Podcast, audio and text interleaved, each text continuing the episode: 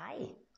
Jeg heter Bente Vigre, og jeg har rett og slett skrevet ei bok som heter 'Dual gildt'. Og det var det jeg tenkte vi kunne ha i denne her podkasten. Rett og slett ha det litt gildt med dialekter. Jærsk. Dual gildt' er ei ordbok med ord og uttrykk fra Jæren. Og den er rett og slett eh, sortert på jærsk og oversett til bokmål, nynorsk og engelsk. Og det er jo litt sånn Vi snakka litt i hytt og vær, og det første eh, mannen sa til meg Ja, men jeg sier ikke ordet sånn. Ja vel, sa jeg. Men se til sides, da. Åh, sier jeg det på bokmål, ja. Ja, sånn var det. Så det er ei herlig supe når uh, vi snakker. Vi bruker bokmålsord, nynorskord og skikkelig dialektord. Og alt dette her er samla i boka mi, som egentlig er et uh, belede på hvordan vi snakker på Jæren. Så da tenkte jeg jeg skulle lese første sida til deg. Sånn at vi kan få uh, starten av boka litt sånn inn i ørene istedenfor bare inn i øynene. Så de første episodene blir nok litt lesing fra boka, og så skal vi kose oss med forskjellige ord og fundere litt over det. Dette kan bli dualilt. Men da tror jeg jeg starter å lese, hvis du er klar til å høre.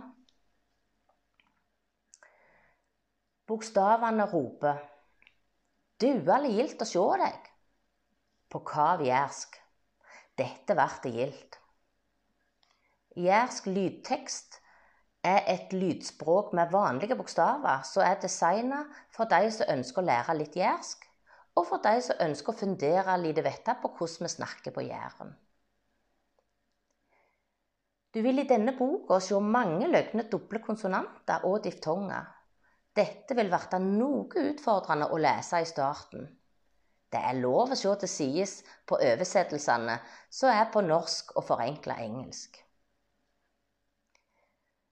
Kolonna for norsk har geniale visninger med understrekte bokmålsord, med tilhørende oversettelser til nynorsk i klammer.